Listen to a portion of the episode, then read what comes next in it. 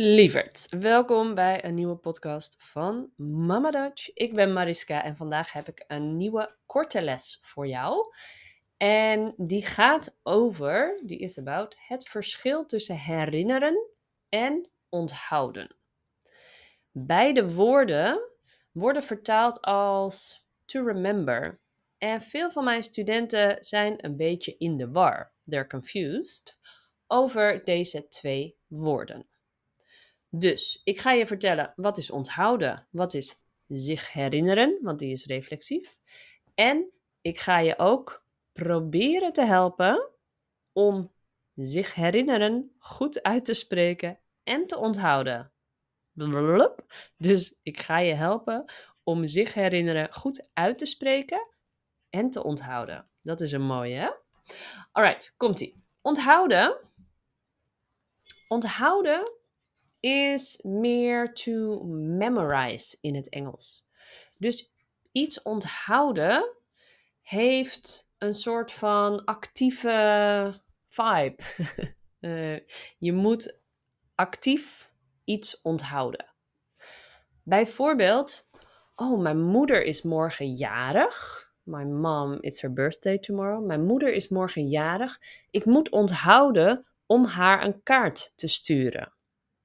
I need to remember or memorize to send her a card. Ja, want dat is Nederlandse traditie, een kaartje sturen op een verjaardag. Dus mijn moeder is morgen jarig, ik moet onthouden om een kaartje te sturen. Of ik kan niet onthouden wat mijn wachtwoord is. Ik kan niet onthouden wat mijn wachtwoord is. Wachtwoord is password. Dus uh, iets korter. Ik kan mijn wachtwoord niet onthouden. I can never remember my password. Ja? Of ik kan niet onthouden hoe laat we vertrekken. I can't remember what time we're leaving. Ik kan niet onthouden hoe laat we vertrekken. Dus dit is de vibe van onthouden. Echt met activiteit in je hoofd, in je in your head. Herinneren is meer it's a memory from the past. Of, um, ja, to remember, letterlijk. Dus bijvoorbeeld, you dropped your keys somewhere or you left your keys somewhere and you can't remember where. Ik kan me niet herinneren waar ik mijn sleutels heb gelegd. I can't remember where I put my keys. Ik kan me niet herinneren waar ik mijn sleutels heb gelegd. Of um, when there's a memory from the past. Ik kan me goed herinneren hoe mijn eerste les Nederlands was. Ik kan me goed herinneren hoe mijn eerste les Nederlands was. I'm very good in remembering. Nee, niet I'm very good at. I, I can remember it well. How my first class of Dutch was. Excuse my English. Ik ben een Nederlands docent. Maar um, ik denk dat je begrijpt hoe het werkt. Nog twee. Ik herinner me alleen de leuke momenten. I only remember the fun parts. Ik herinner me alleen de leuke momenten. En één met onthouden. Probeer de belangrijkste informatie te onthouden. Try to remember the important information. Probeer de belangrijkste informatie te onthouden. Ja?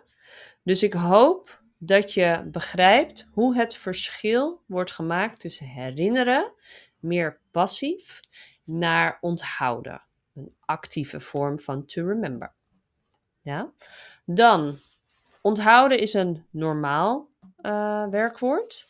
Dus ik onthoud, ik onthield en ik heb dat onthouden.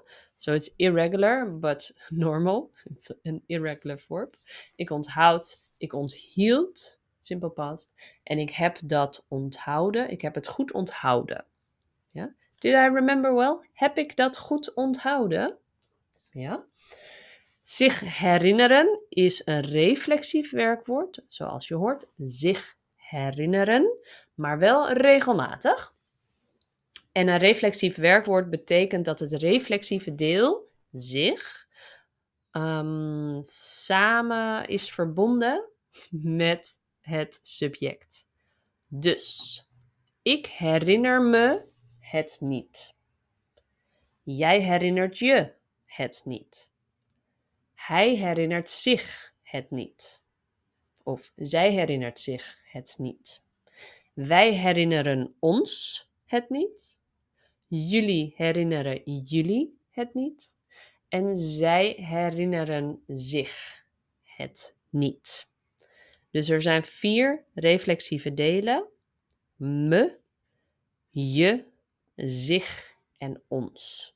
En ik zal het lijstje even in de beschrijving, in de description van de podcast zetten, zodat je kan meelezen. Alright, uh, dit was het voor herinneren en onthouden. Probeer even te oefenen met herinneren, want veel van mijn studenten vinden dit moeilijk, een moeilijk woord. Herinneren, herinneren, herinneren. Ik kan het me niet herinneren. Ik kan het me niet herinneren. Heel veel succes met onthouden. en je hoort mij weer in een volgende podcast. Doeg! Oh, en lieverd, sta je al op mijn mailinglijst? Nee? Doe dat dan snel via de link hier onder de podcast. Dan stuur ik je één keer per week, soms meer, soms minder, een verhaal in het Nederlands met Engelse vertaling van de moeilijkere woorden. En dan krijg je alle informatie over nieuwe podcasts, uh, cursussen of masterclasses als eerste in je inbox. Ik hoop je te zien op mijn lijst. Doeg!